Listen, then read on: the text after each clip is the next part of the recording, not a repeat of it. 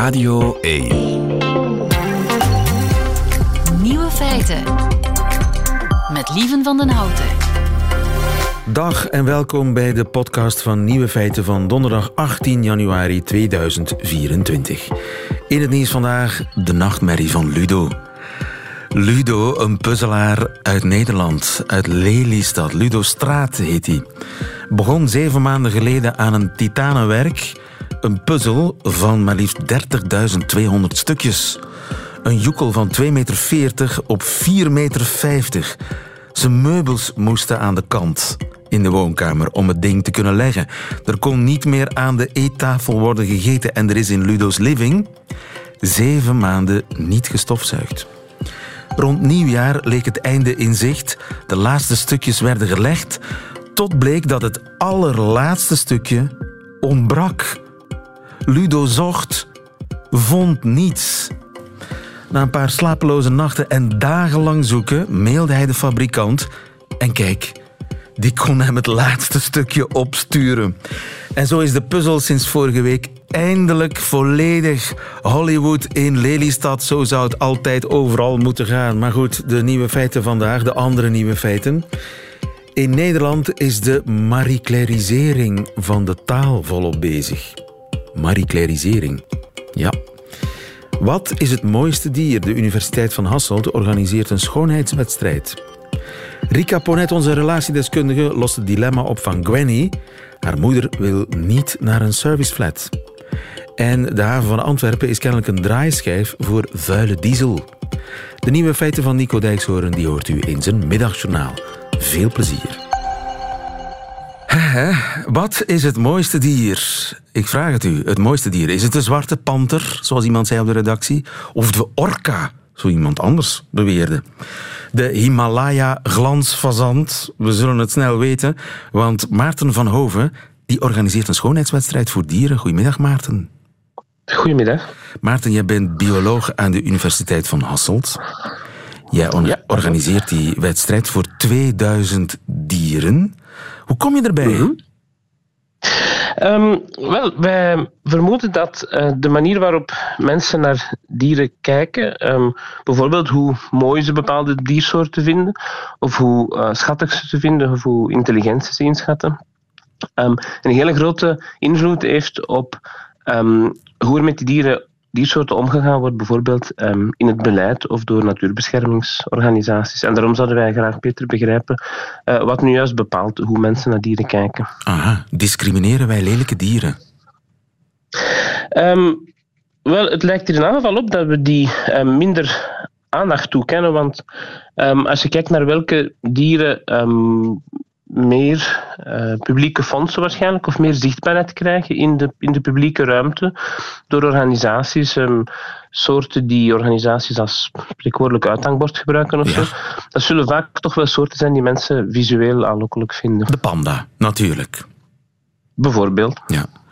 Dus wij doen eigenlijk aan uh, bodyshaming voor nijlpaarden of uh, voor dieren. Ja, ja, en het grote probleem is, ervan is, is eigenlijk tweeledig. Um, aan de ene kant is het zo dat de, uh, het, het, de, de dieren die dan wel in onze uh, uh, visuele gratie, of zo zal ik het dan maar noemen, vallen, um, in feite niet uit de gevarenzone zijn. Dus als je kijkt naar dieren die best wel wat aandacht krijgen van ons, die de meeste mensen ook gewoon kennen, want er is ook al een, een, een factor, is een soort bekend.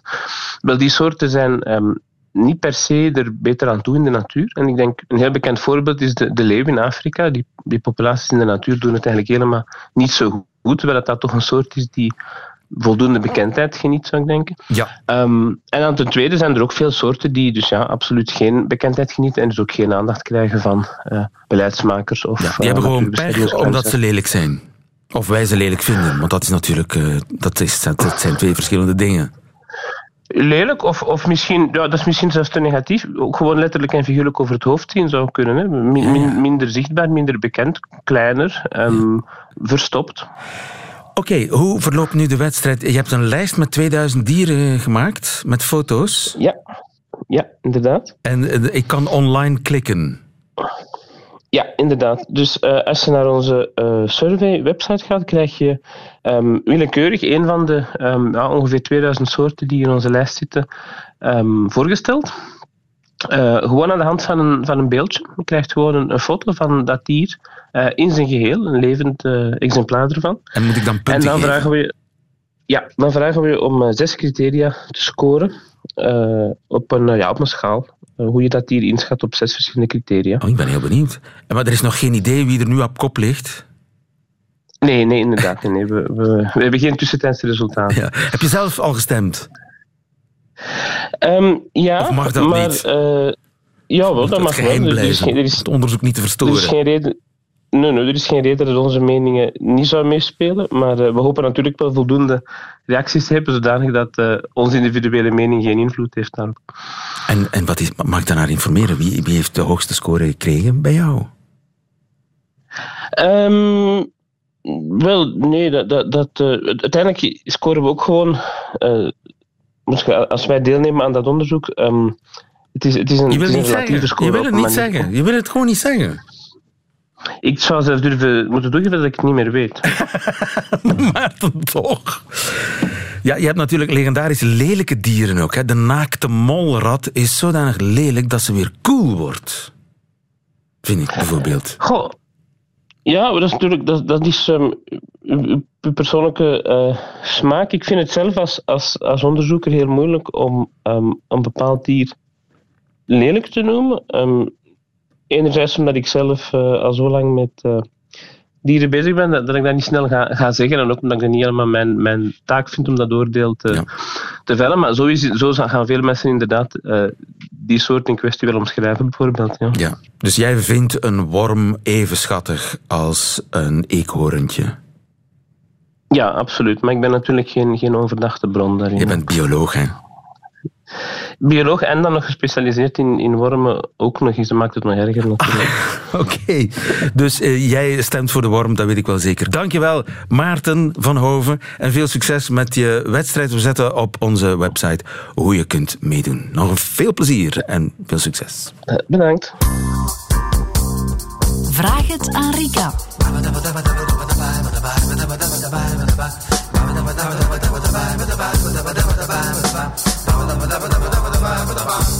Sneeuw of geen sneeuw, is er. Rika Ponet, welkom in uh, Nieuwe Feiten, zoals elke donderdag. Goedemiddag. Om uh, knopen door te hakken van mensen met dilemma's, die hun dilemma's naar jou sturen. En zo heb ik een dilemma gekregen van Gwenny. Uh -huh. Gwenny is 45 en ze vraagt het volgende, of ze schrijft het volgende. Mijn zus en ik zorgen al een paar jaar voor mijn moeder. We doen dat graag, want we willen uh, haar de zorg geven die zij destijds aan onze grootmoeder gaf. Maar de laatste tijd is ze wat op de sukkel, fysisch. En we zouden er een veel beter gevoel bij hebben mocht zij naar een serviceflat verhuizen. Het gaat om veel meer dan alleen dat lichamelijke. Ze woont nu in een veel te groot huis dat volgestouwd zit met spullen van haar ouders, dingen uit het verleden dus, en ook bergen papierwinkel waar ze zichzelf geen meester meer overziet. We hebben allebei het gevoel dat ze zichzelf begraven heeft in een soort van familiekelder. Recent kwam er dicht bij haar huis een splinternieuwe flat vrij, heel mooi gelegen. Dat haalden ze trouwens zelf aan. Wij dachten, ja, nu is het moment. Maar blijkbaar was dat verkeerd ingeschat. Ze wil haar woning niet verlaten. We hebben voorgesteld om voor haar het huis leeg te maken, dingen op orde te stellen, maar dat wil ze niet. Ze gaat het onderwerp echt uit de weg. Ze heeft geen tijd, of wij hebben geen tijd, ook al zeggen wij van wel. Als ik op bezoek ga, wil ze koffie zetten, over koetjes en kalfjes praten, ons trakteren op etentjes.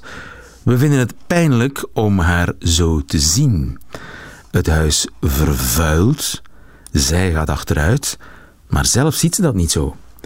Ze is ervan overtuigd dat alles nog gaat zoals vroeger. Hulp aanvaarden van ons, dat wil ze niet. Ze wil nog altijd veel eer ons helpen.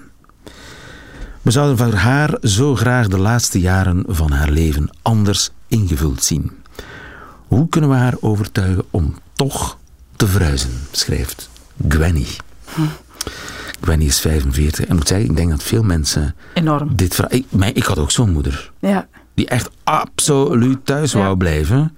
Bij ons is dat ook gebeurd. En ja, ziek, eh, Parkinson, eh, echt. eh, en niet willen, niet, niet, niet Mhm. willen. En dan zit je daar, dan, Ja. wat moet je doen? Ehm, Druk opvoeren?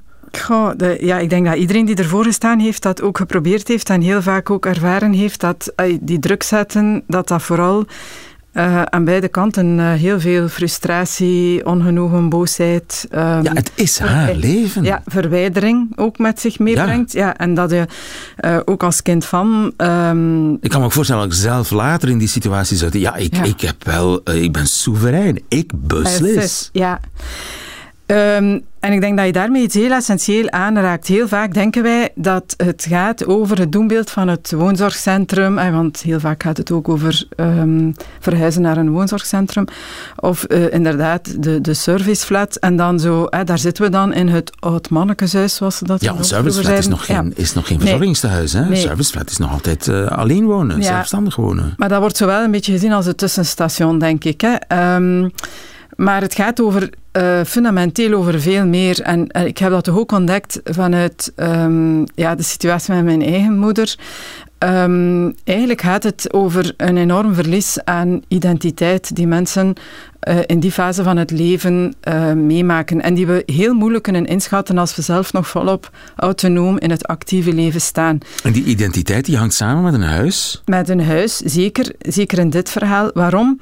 Ehm, dat huis, vandaag heeft die vrouw als perspectief niet zo heel veel toekomst meer. eh. In, integendeel, het toekomstperspectief is iets wat als een heel beangstigend iets wordt ervaren, iets wat mijn identiteit bedreigt. Want wat is de identiteit van die vrouw? Mama. Mama, eh, voor haar eigen moeder, zorg, zorg- zorgzaam, autonoom, eh, ik zorg voor anderen. Dat is eigenlijk bijna haar identiteit. Ik heb voor mijn moeder gezorgd, ik heb voor mijn kinderen gezorgd, ze doet het nog altijd. Ja, en ook Ehm, dat huis, eh, zegt een familiegraf, bedoelt, het vol met verleden. Het verleden. Dus dat is haar verhaal dat is, dat is haar verhaal, dat is haar narratief, zoals ze dat zeggen. En die, die zit nu vandaag toch voornamelijk in het verleden en in het nu. En in dat nu probeert zij daar ook nog altijd wel vorm aan te geven. Ja, de kinderen komen, wat is het, koffie drinken en Ja. ze wil graag uit eten gaan met hen. Dus eigenlijk wil ze daar nog altijd op een positieve manier vorm aan geven, die identiteit in stand houden. Want ja, dit is duidelijk een heel autonome vrouw geweest. Die autonomie, ja, die soevereiniteit, zoals je zegt, opgeven is een hele moeilijke. Maar wat zit daar ook in, en dat heb ik toch heel sterk ervaren, waar komt die identiteit vandaan? Dat is niet alleen uw zelfbeeld, maar dat gaat ook over ehm, de, de primaire relaties in het leven en de rol die ik in die relaties heb.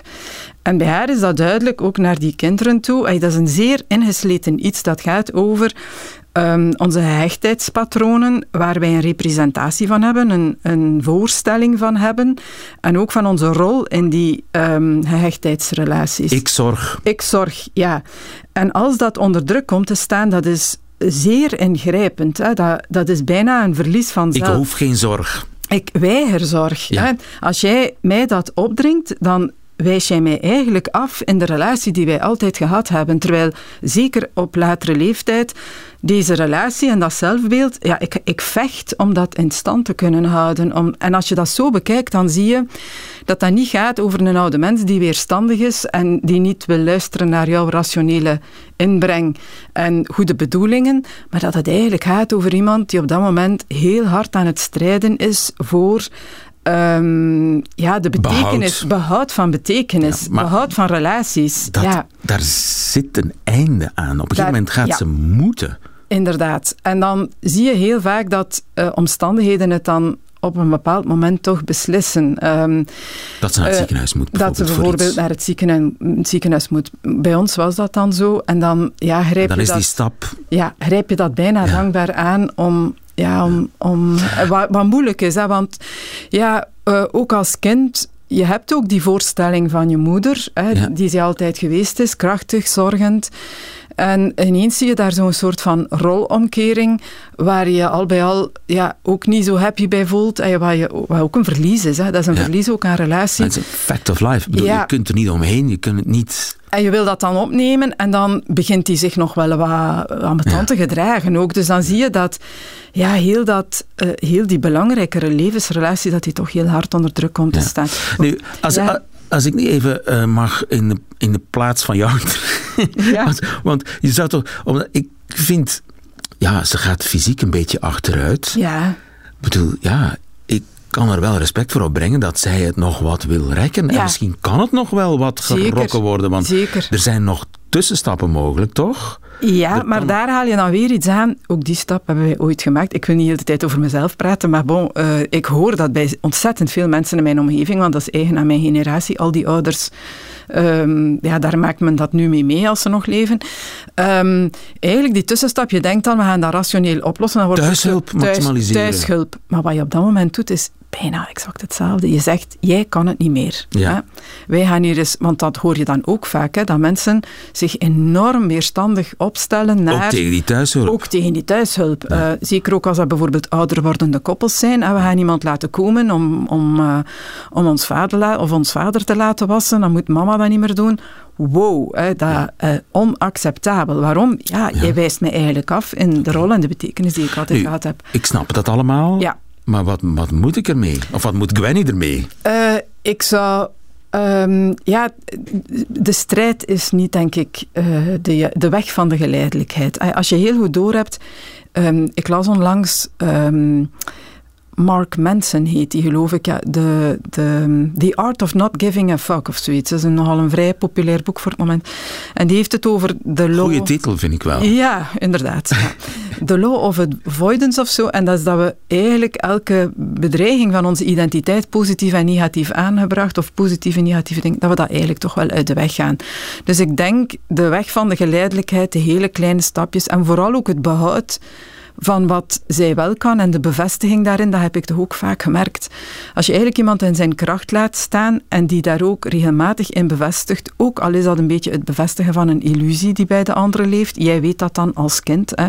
Ja, uh, je moeder kan ook de overtuiging hebben dat ze nog perfect kan koken, maar als je ziet wat ze dan eet, dat je dat dan eigenlijk toch uh, denkt van wow, wat is dit nu? Um, toch iemand blijven bevestigen in, in de dingen die wel goed zijn, de dus dingen die ze wel paradoxaal kan. genoeg zal, zal het beter werken naarmate je minder duwt. Naarmate je minder duwt, absoluut. En dat is wel vaker zo. Hè. Dwang um, heeft vaak het tegenovergestelde effect. Dat is naar kinderen toe zo en dat is zeker ook in die levensfase naar oudere mensen toe ja. zo. En een tijdje accepteren.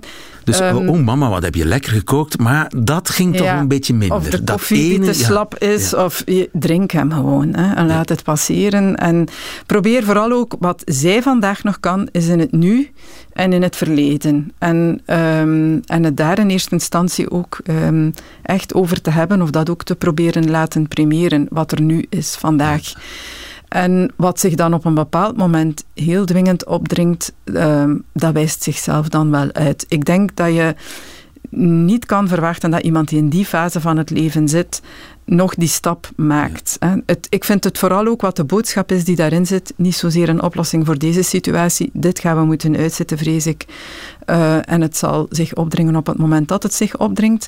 Maar hoe gaan we daar allemaal zelf mee om? Hè? In welke mate? Ben jij daarop voorbereid, lieve? Wat, wat, wat, gebeurt er als er binnen dit en zoveel jaar met jou wat taboe, gebeurt? Echt taboe. taboe. We taboe. gaan dat nee, zo hard nee, uit nee, de weg. En eigenlijk ja. is um, dit moment al um, het in de tijd een, een fase te ver. Mensen kunnen op dat moment niet meer naar die toekomst kijken. Je moet nog ergens een toekomst voor ogen hebben om dit soort van verandering, zijnde verhuizen bijvoorbeeld, ja. om dat nog een positieve betekenis te kunnen geven. Verhuizen in haar gevoel is nu achteruit. Dat is de serviceflat, het woonzorgcentrum, de laatste fase van mijn leven. En daar wil zij duidelijk vandaag ja, niet mee geconfronteerd Uitzitten. Uitzitten, positief uitzitten. Ja. Gwenny, ik hoop dat we jou uh, geholpen hebben. Als er nog mensen zijn met vragen voor Rika, ze zijn zeer welkom op nieuwefeiten.radio1.be. Tot volgende week.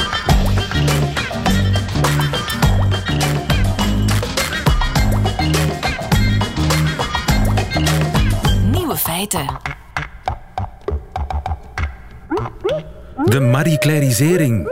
Heeft u er al van gehoord? De Marie-Clairisering van de Nederlandse taal die is volop bezig. In Nederland wel te verstaan. Anne Kremers, goedemiddag.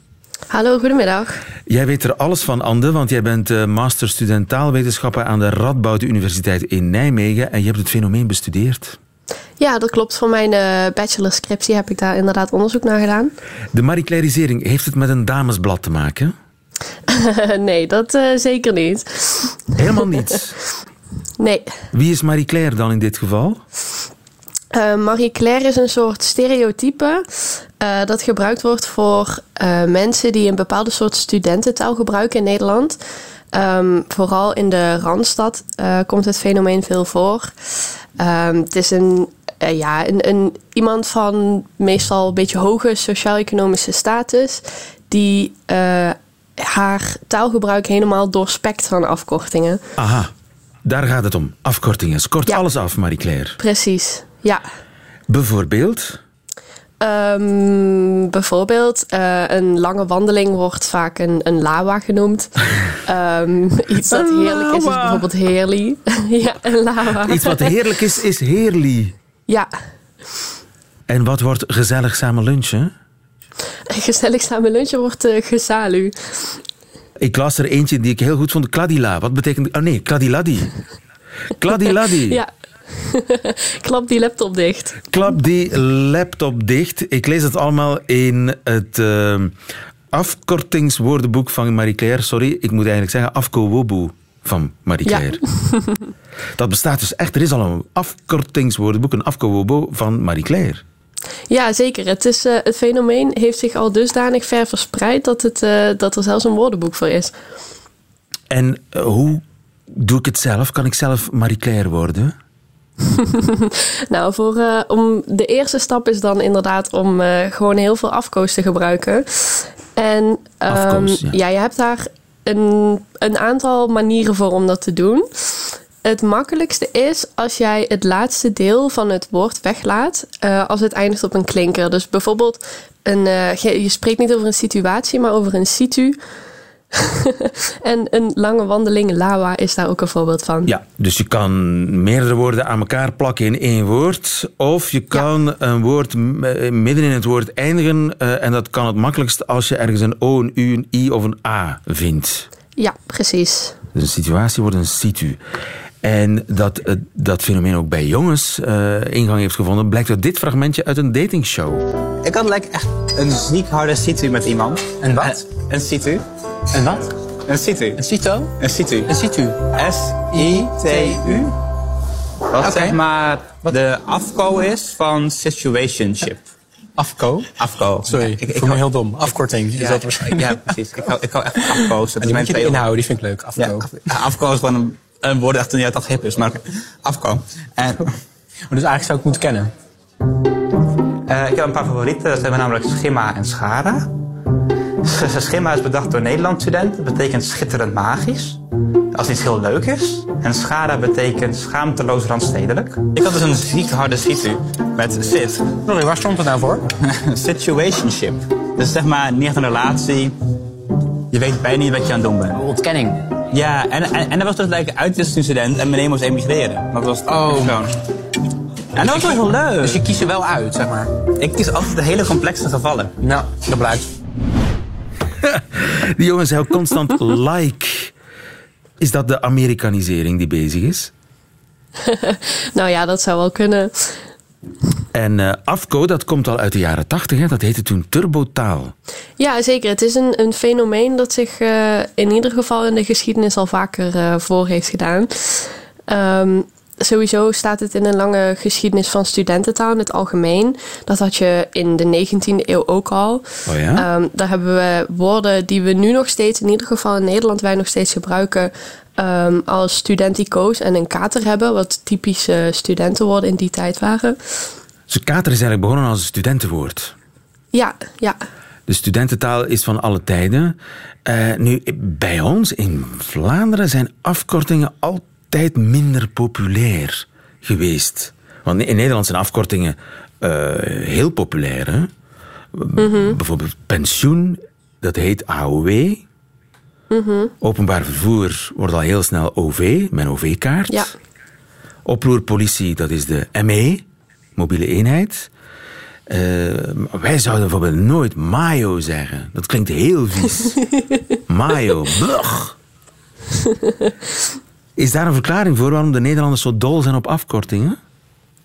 Mm, nee, dat zou ik, eh, zou ik zo niet weten. Het is, ehm, ja, het is inderdaad wel zo dat in Nederland heel veel afkortingen gebruikt worden. Nu dus ook weer onder studenten. Dus, eh, Ja.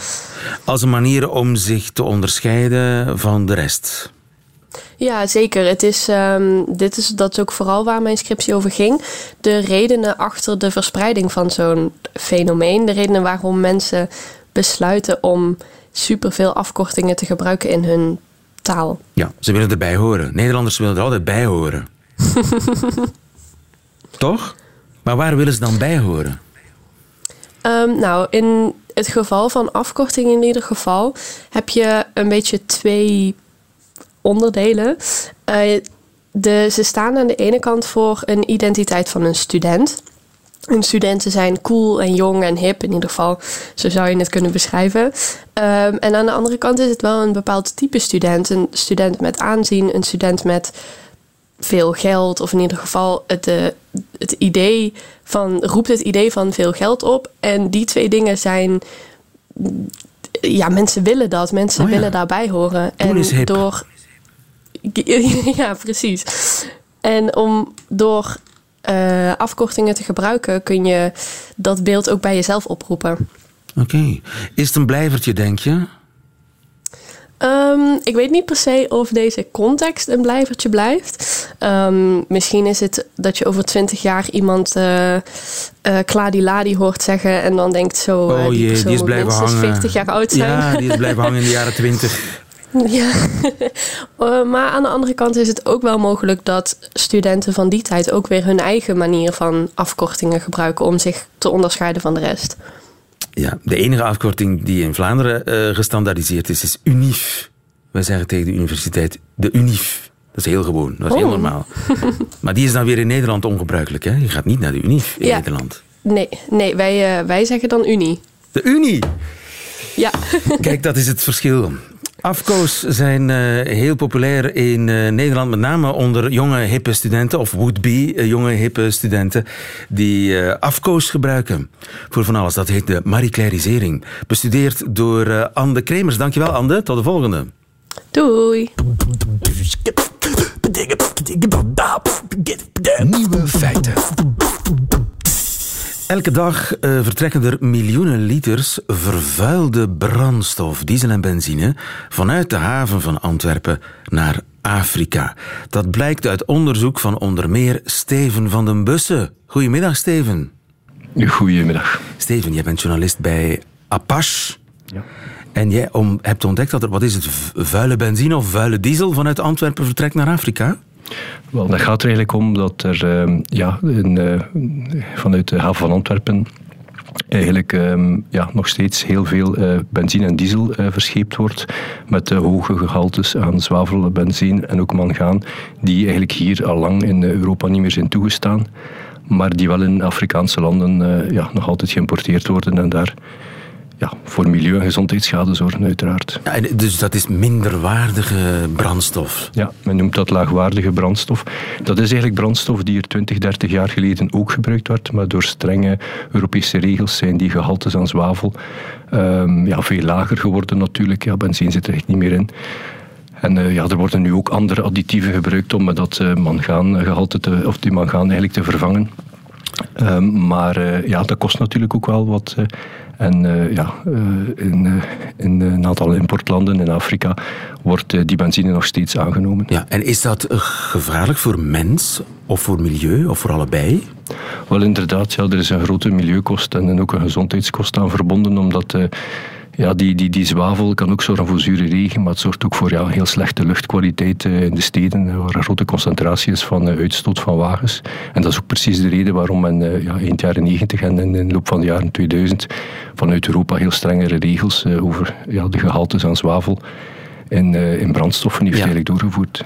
Juist, maar dat, is dan, dat geldt voor de brandstof die hier verbrand wordt. Kennelijk niet voor de brandstof die hier verhandeld wordt. Nee, dat is het inderdaad. En de reden waarom er eigenlijk vanuit eh, Antwerpen nu meer ehm, eh, brandstof, van die laagwaardige brandstof, naar West-Afrika wordt verscheept, ligt eigenlijk ehm, bij een Nederlandse nieuwe beleidsmaatregel. Sinds april is het verboden voor eh, oliehandelaren om brandstof met meer dan eh, 50 parts per miljoen zwavel te verschepen. Ehm, en dat zorgt er natuurlijk voor, en dat was gevreesd dat, eh, dat, dat, er een verschuiving zal, eh, dat er een verschuiving zou gebeuren. En eh, ja, dat blijkt nu eigenlijk uit ja, de eerste zes maanden uit die cijfers, dat er inderdaad vanuit Nederland veel minder van die ehm, brandstof wordt verscheept naar, eigenlijk geen niet meer, die niet meer aan die normen voldoet. En de, de handelaren die eh, wijken uit naar Antwerpen. Voilà, voilà. Ja. Dat was eigenlijk de vrees die op voorhand werd gezegd dat ja, als, die, als één land zo'n regel invoert, ja, dan, dan verschuiven die. Dan verschuift die handel, want je moet natuurlijk weten dat is een zeer internationale handel en de meeste van die, of de grootste oliehandelaren, die zijn in Zwitserland gevestigd. En wat doen die? Die huren eigenlijk eh, tankopslag, ehm, of dat nu in Antwerpen is, of in Rotterdam, of in eh, Amsterdam, dat maakt hen eigenlijk niet zoveel uit. En ehm, in die opslagtanks, ehm, daar blenden ze eigenlijk, daar mengen ze dan eh, brandstoffen volgens de kwaliteit die, die ze kunnen verkopen. En ja, als, eh, als die normen laag zijn, dan gaan die gewoon eh, ja, laagwaardige eh, brandstoffen mengen. Ja, en dan verkopen die dat gewoon. Ja, want je zou je afvragen, ja, wat, wat, wat zit die olie in Antwerpen te doen als ze dan toch voor Afrika bedoeld is? Het heeft natuurlijk te maken met ja, het feit dat hier eh, ja, grote raffinagecapaciteit is en ja, dat hier een hele infrastructuur is uitgebouwd Ja. om, ja, om die olie te mengen en ook om te te verhandelen. Ja, Antwerpen is natuurlijk een wereldhaven en ehm, Amsterdam, Rotterdam, dat zijn eigenlijk eh, ja, de grootste olie-exporterende havens van, eh, van, de, van de Europese Unie. Ja, maar dus Nee. ja, eh, er wordt ook aan verdiend, ook in ons land. Ja, absoluut, absoluut. Ja. Wat eh, moet er nu gebeuren volgens jou? Wel, volgens mij, het is natuurlijk niet, niet aan mij, maar eh, van, vanuit, vanuit de milieubeweging, eh, het is eigenlijk al van, van 16 dat het probleem van die laagwaardige brandstoffen wordt aangekaart. Eh, Er was een groot rapport van een Zwitserse NGO die dat probleem in 16 aankaartte. Dat is toen ook wel in het parlement en dergelijke besproken. Maar eh, ja, er werd vanuit Vlaanderen eh, ook wel een aantal keer op gewezen dat het federale niveau daarvoor bevoegd is. En, en de federale mm, milieuminister Katabi werkt nu momenteel aan, de voorbereiding van een koninklijk besluit. eh, dat mogelijk zijn in februari eh, op de regeringstafel komt. Oké, dus er wordt aan gewerkt. wordt absoluut aan gewerkt, omdat eigenlijk ja, in Nederland zijn die regels verstrengd sinds april vorig jaar. Ehm, je ziet die verschuiving. ehm, ja, al- als, dat kan je niet als één land aanpakken. Nee. Dat, dat moet best eh, ja, bij, bij meerdere landen, liefst op Europees niveau en zelfs op mondiaal niveau aangepakt worden. Want het is op zich ook wel. Ehm, eh, men is ook vragende partij ehm, vanuit Afrikaanse landen eh, om, om, om dat eh, aan banden te leggen. Er was in, ehm, in 22 nog een conferentie vanuit het Milieuagentschap van de Verenigde Naties georganiseerd. En in een van de zes aanbevelingen was duidelijk een duidelijke oproep naar, naar Zweden, Nederland, België en Portugal van ja, alsjeblieft ga naar 50 eh, parts per million. Ja. Eh, zwavel, eh, zo zorg echt dat, dat die brandstofkwaliteit die vertrekt vanuit jullie land, eh, ja, dat, dat, dat die gewoon ja, vo- voldoet aan de Ja. normen die jullie zelf gebruiken. Dus dat zal in de, de toekomst moeten uitwijzen of dat ook zal lukken. Maar intussen ziet het er naar uit dat ja, strengere milieuregels alleen maar problemen verplaatsen. Als ze niet eh, ja, op grotere schaal, als ze niet internationaal aangepakt worden, zorgen ze inderdaad voor een verplaatsing. Dat is ja, een heel duidelijke conclusie, inderdaad. Ja. Steven van den Bussen van Apache, dankjewel. Dankjewel Fijne dag aandacht. Ja, tot ziens. Nieuwe feiten. En dat waren ze meteen de nieuwe feiten van vandaag, 18 januari 2024. Alleen nog die van Nico Dijkshoorn, die krijgt u nu in zijn middagjournaal. Nieuwe feiten. Middagjournaal.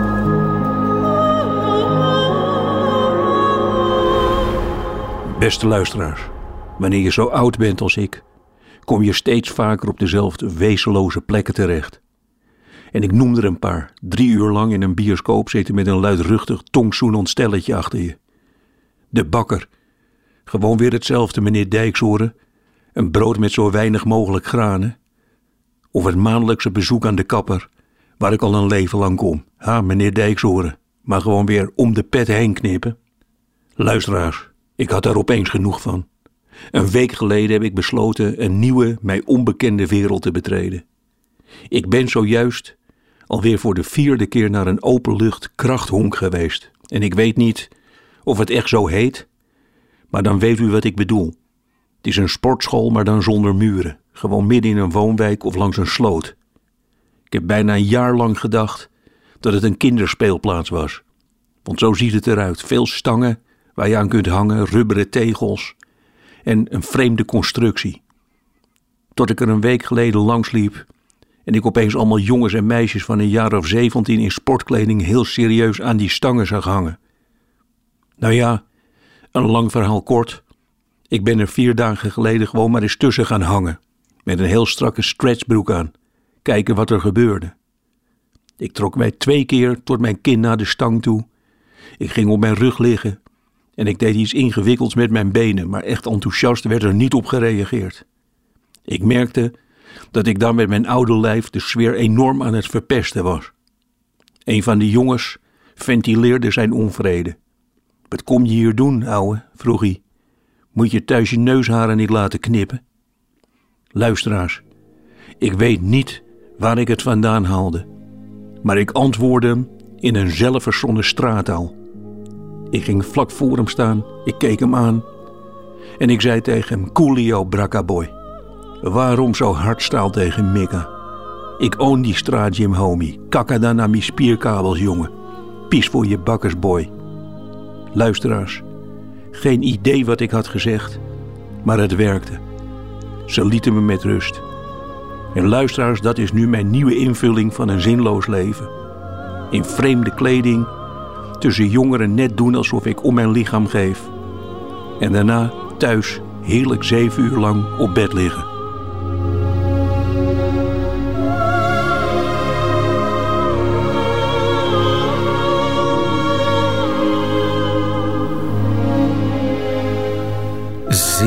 Indrukwekkend, zowel de sportieve activiteiten, de stretchbroek en de straattaal. Nico Dijkshoorn in het middagjournaal. Einde van deze podcast. Hoort u liever de volledige nieuwe feiten met de muziek erbij? Dat kan natuurlijk elke werkdag live tussen 12 en 1 op Radio 1 of on demand via VRT Max. Tot een volgende keer.